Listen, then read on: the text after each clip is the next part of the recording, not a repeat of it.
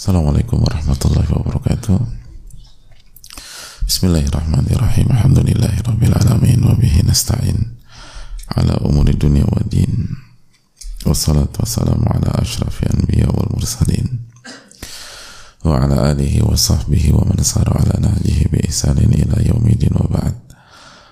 Allahumma salli wa sallim wa barik wa an'im ala nabina Muhammadin wa ala alihi wa sahbihi ajma'in Alhamdulillahilladzi bi ni'mati salihat. Kita bersyukur kepada Allah tabaraka wa taala yang dengan nikmatnya, taufiknya, hidayahnya amal soleh bisa kita kerjakan dan bisa disempurnakan.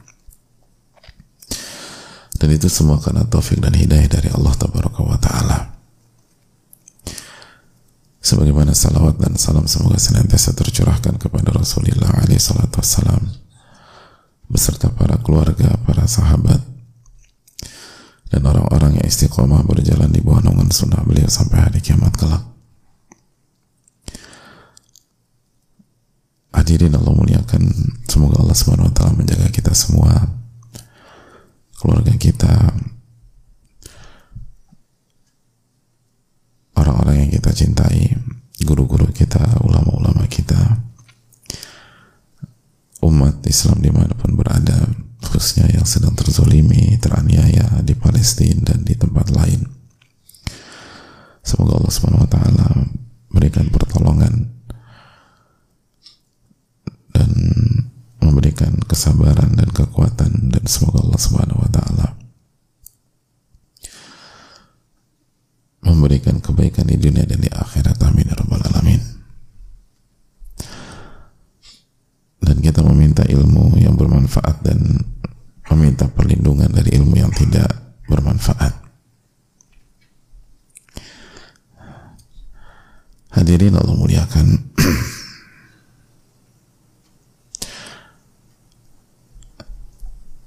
Kembali bersama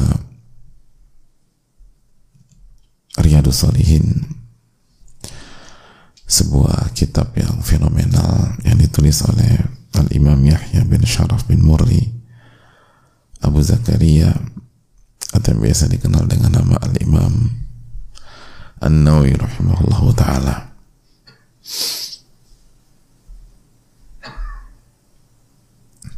Dan kitab ini begitu luar biasa. Dan PR kita bukan hanya memahami dan mempelajari tapi juga bagaimana mengamalkan. Kata para ulama seperti Ash-Shatibi rahimahullah al-ilmu alladhi huwa al-ilmu al-mu'tabaru syar'an. Ilmu yang diakui dan dijadikan parameter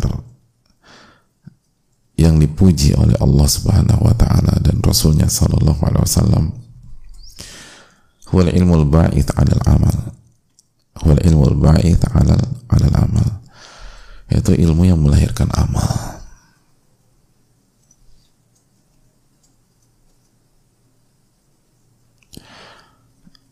Ilmu yang melahirkan amal.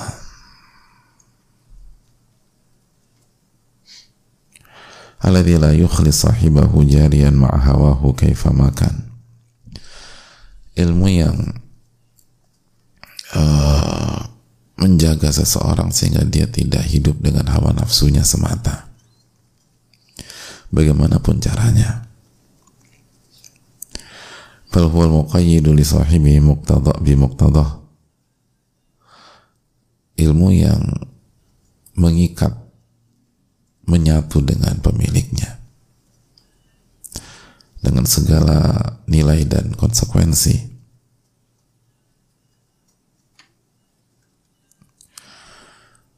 jadi PR kita adalah bagaimana ilmu ini melahirkan amal soleh dalam kehidupan kita dan membuat kita um, tidak hidup hanya dengan mengandalkan hawa nafsu. Kaifa makan bagaimanapun kondisinya. ada orang itu dia bisa nggak ngikutin hawa nafsu pas lagi seneng. Tapi begitu marah lupa semuanya. Orang dicaci maki meledak. Nah ilmu yang bermanfaat bagaimana? Atau ilmu yang bermanfaat ilmu yang bisa mengontrol atau menjadikan alat kontrol atau mengontrol dia untuk tetap uh, objektif, tetap tenang, tetap pakai dalil baik ketika senang maupun marah.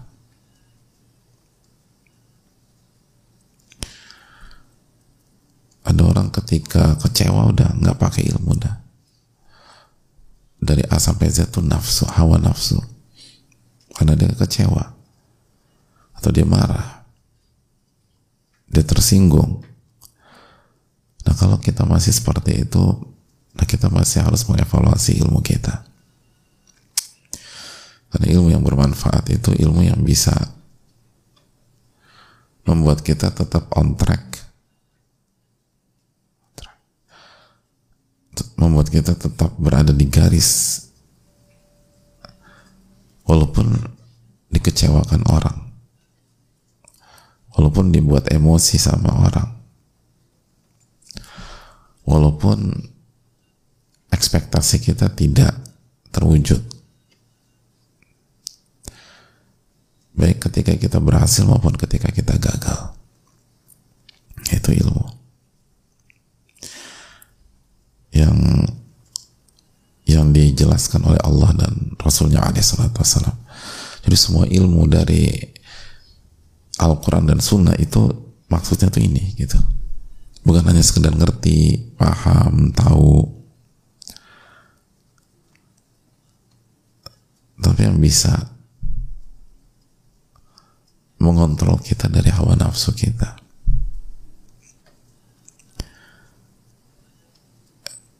Ada orang kalau lagi ada duit, oke okay, sikapnya, tapi begitu nggak punya duit berantakan.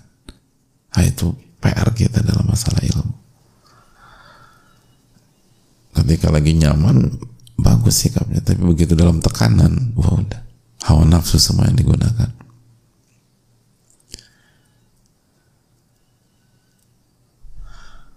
Hawa nafsu semua yang digunakan. Bukan itu yang yang dimaksud dengan dengan ilmu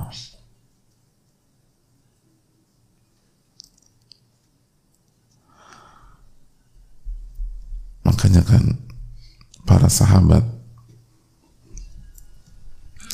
Seperti misalnya Umar bin Khattab ketika lagi marah.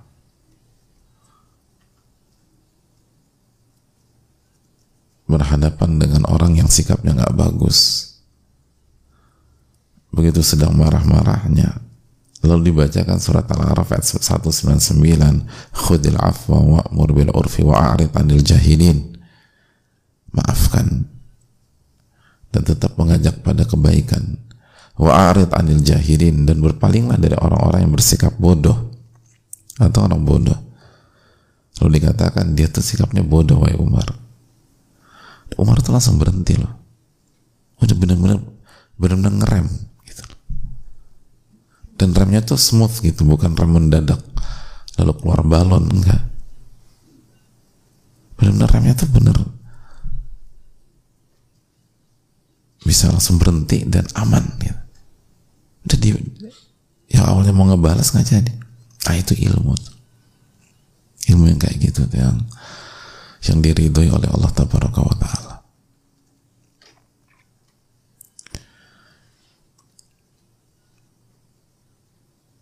Yang terkontrol. Yang ketika lagi gagal kita kembali kepada Allah, bukan ketika lagi berhasil aja ketika kita lagi tergelincir kembali kepada Allah Subhanahu wa taala. Karena siapa yang nggak pernah tergelincir? Siapa yang nggak pernah khilaf? Yang membedakan orang yang punya ilmu nafi dan tidak. Orang yang nggak punya ilmu langsung terpuruk, langsung hancur. Dan tidak jarang hari ini berpikir untuk mengakhiri hidupnya. Tapi orang yang punya ilmu, ilmu nafi, enggak dia tetap bisa mengontrol dan dia bisa bangkit lagi. Dia bisa move on dari lubang tersebut. Dan itu yang terjadi. Di dalam sejarah. Nah ini jadi PR kita dan harus terus kita ingatkan bahwa inilah tujuan kita belajar ilmu ini yang kita cari dan butuh proses, butuh perjuangan. Makanya kata para ulama, al ilmu idza a'taita kullak a'taka ba'dah. Ilmu itu kalau Anda perjuangkan dengan seluruh kemampuan dan seluruh jiwa raga Anda, dia hanya akan kasih sebagiannya, gak semua. Jadi kita udah kasih semuanya nih. Dia bukan kasih semua, dia kasih sebagian aja. Emang mahal ilmu tersebut. Mahal. Dan pertanyaannya gimana kalau kita setengah-setengah? Ya nggak dikasih apa-apa, quote and.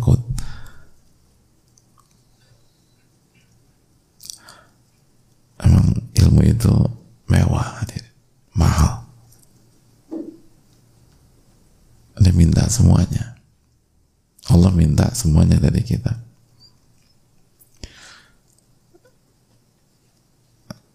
Makanya kan kata Allah, la yunalul ilmu birahatil jism. Ilmu itu nggak bisa didapat dengan badan yang sukanya santai. Sukanya santai, rebahan, ah, itu nggak akan dapat ilmu. Tapi ada temanku itu sekali baca ngerti, ngerti. Tapi tadi, apakah ilmu itu melahirkan amal apa enggak? Bisa ngontrol kita dari hawa nafsu apa enggak? Lalu membuat kita uh, menyatu dengannya, terikat dengannya dan menjadi sebuah tabiat, menjadi karakter yang tidak bisa dipisahkan dengan diri kita. Apa pun takdir Allah dan apa pun ujiannya, oh itu harus berjuang totalitas dan nggak bisa setengah-setengah la yunalul ilmu birahatil jasad. Ilmu itu nggak didapat dengan badan yang suka santai.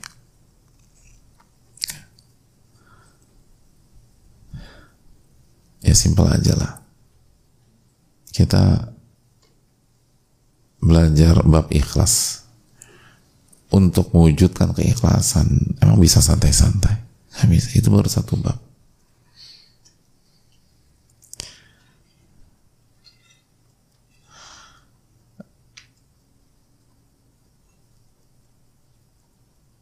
kita belajar bab istighfar misalnya. Bab minta ampun sama Allah. Gak cuman pemahaman mah satu dua menit ngerti ngerti. Tapi siapa yang bisa benar-benar istighfar? Siapa di antara kita yang misalnya istighfarnya sehari seratus kali lah sebagaimana dalam hadis atau arahan di dalam hadis. Sebagaimana praktek Rasulullah SAW oke yang sudah 100 kali misalnya. Siapa yang menghayati setiap setiap istighfar dari 100 kali tersebut? Atau baru lisan? Jadi kita punya PR tuh besar hadirin maka selalu minta pertolongan kepada Allah Taala. Hadirin Allah muliakan, itulah poin yang perlu terus kita ingatkan di dalam kajian-kajian kita.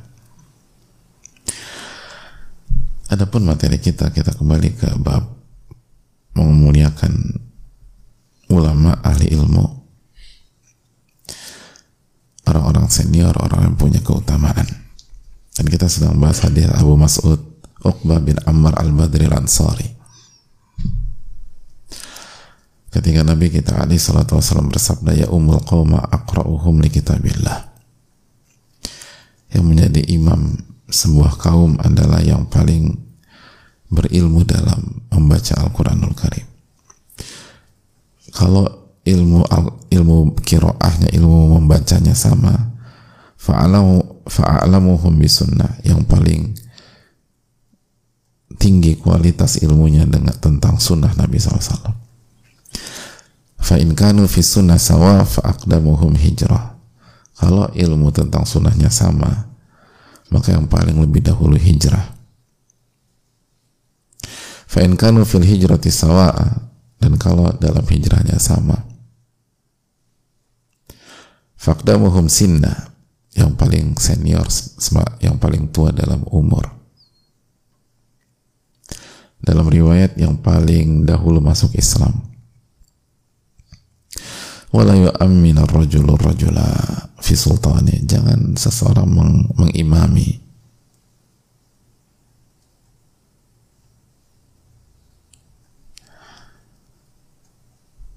seseorang di di tempat kekuasaannya.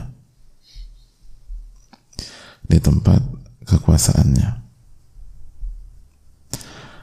Dan jangan seseorang duduk di tempat atau di tempat duduk atau di tempat seseorang atau yang khusus dipersiapkan untuk seseorang kecuali dengan izinnya. Kecuali dengan izinnya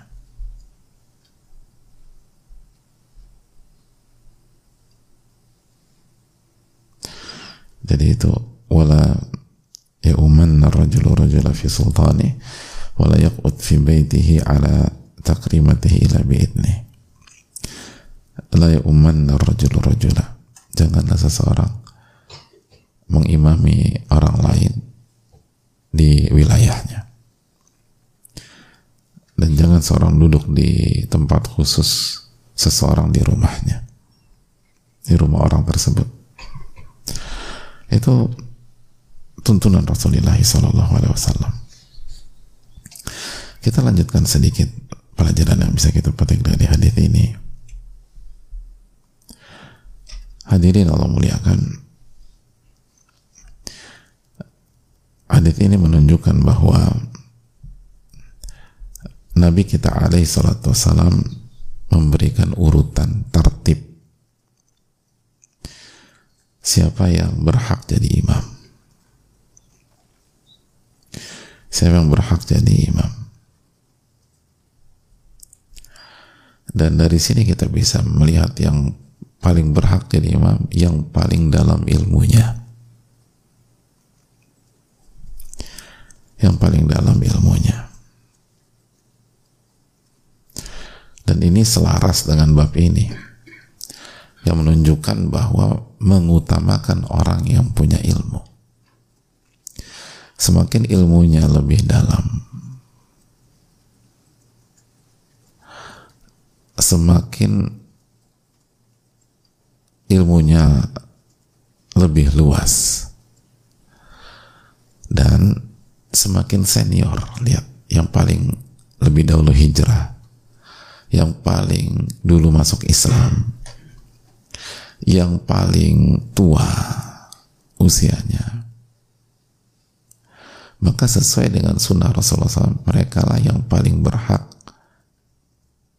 memimpin salat dan menjadi imam salat.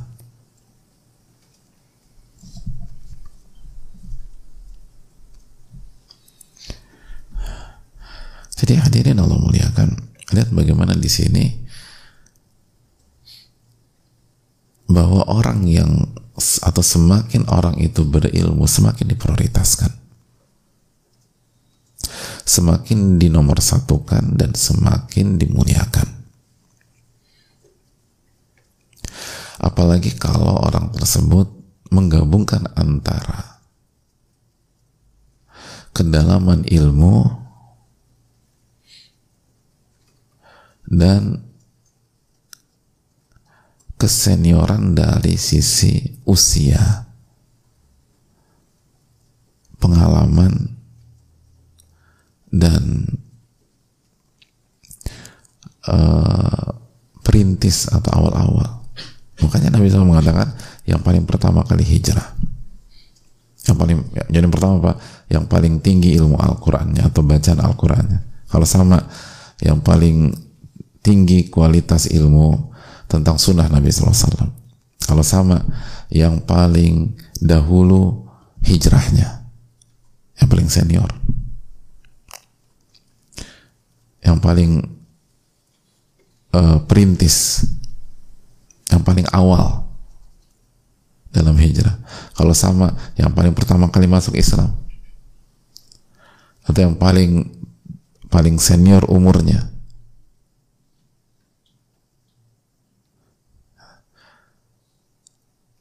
dan salah satu yang bisa kita pahami kalau semuanya terkumpul dalam satu orang ya udah jelas dia jadi imam.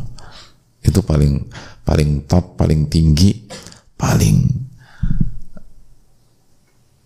dalam. Itu poin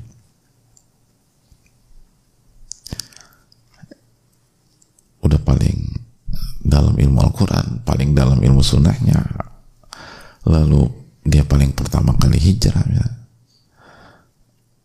kalau Islam dari lahir dia paling tua. Atau kalau di sebuah komunitas yang apa baru apa pindah kembali ke Islam dia paling senior. Udah itu paling tinggi makomnya. Jadi secara garis besar ini menunjukkan keutamaan orang yang berilmu dan keutamaan orang yang lebih senior secara umur dan senior secara pengalaman dan yang paling pertama mengerjakan amalan kebaikan. Ini terlihat jelas dalam hadis ini. Terlihat jelas di dalam hadis ini.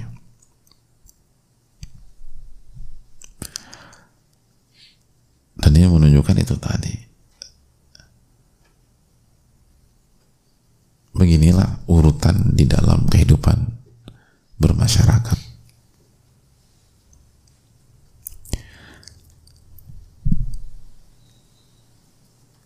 Dan ini penting loh. Bukan hanya dalam bab sholat, tapi bab, buat kehidupan lain. Buat kehidupan lain. Karena Nabi SAW tidak menjelaskan ini ngasal. Anil hawa. Nabi tidak berbicara dengan hawa nafsunya. Namun wahyu Allah wahyukan kepada beliau.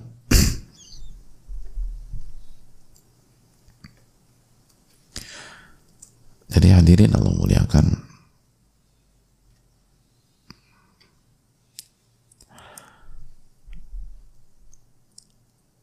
Itu poin yang perlu kita camkan. Poin yang berikutnya, hadis ini menunjukkan bahwa bagaimana ulama itu punya kedudukan tinggi di dalam Islam ahli ilmu itu punya kedudukan tinggi dan harus diprioritaskan. Kita bicara agak lebih spesifik.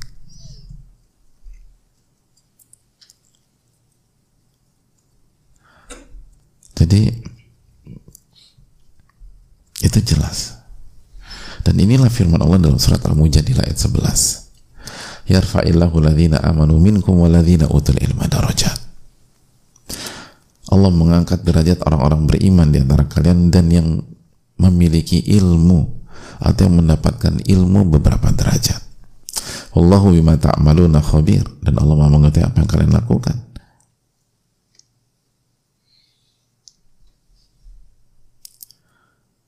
Dan salah satu diangkatnya dialah yang paling berhak jadi imam. Dalam sebuah ibadah yang paling prestisius setelah syahadatin karena ini merupakan rukun Islam yang kedua. Hanya di bawah syahadatain.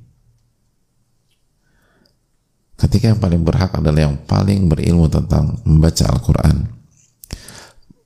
Kalau sama yang paling berilmu dengan sunnah Nabi SAW, maka ini menunjukkan Allah mengangkat derajat dia.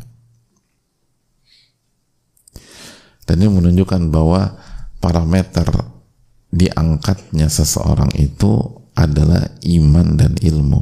Makanya ayatnya kamu jadilah sebelas Yarfa'illahu alladhina amanu minkum walladhina utul ilma darajat. Allah mengangkat derajat orang-orang beriman dan berilmu. Beberapa derajat.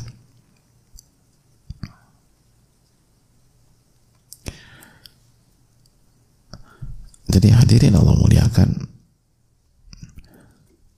Makanya kalau kita ingin mulia, kita ingin diangkat sama Allah Subhanahu wa taala, kedudukan kita, makom kita, manzilah kita. Nggak usah ribet-ribet, fokus amalkan ayat ini.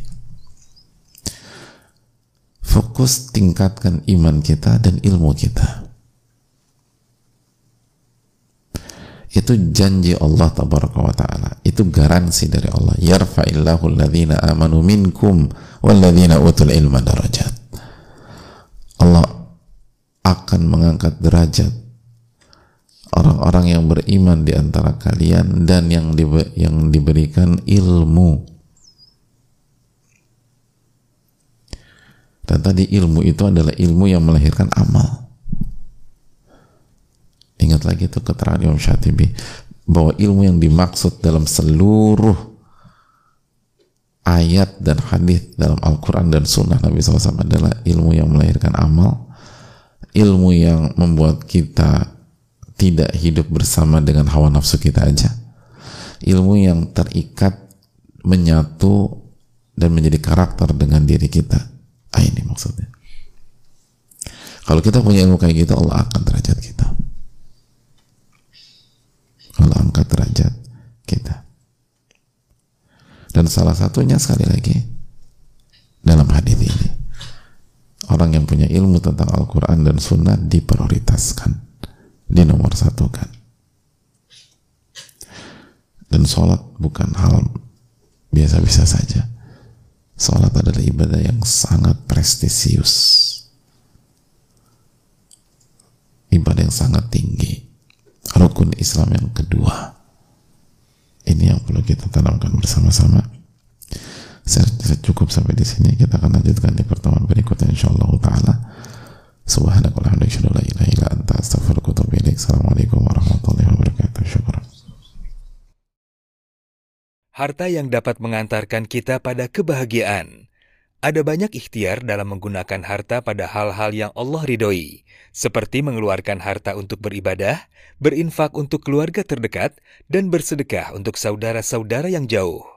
Semoga setiap ikhtiar tersebut dapat menuntun kita pada kemudahan dan kebahagiaan dari Allah Ta'ala. Insya Allah, kita juga bisa bersedekah melalui program ragam aktivitas kebaikan Muhajir Project Peduli yang insya Allah bermanfaat. Semoga Allah memberkahi dan memberikan kebahagiaan di dunia dan akhirat raihlah kebaikan dan pahala bersedekah. Salurkan sedekah terbaik kita melalui CIMB Niaga Syariah 8600 1178 5800 atas nama Muhajir Peduli Indonesia.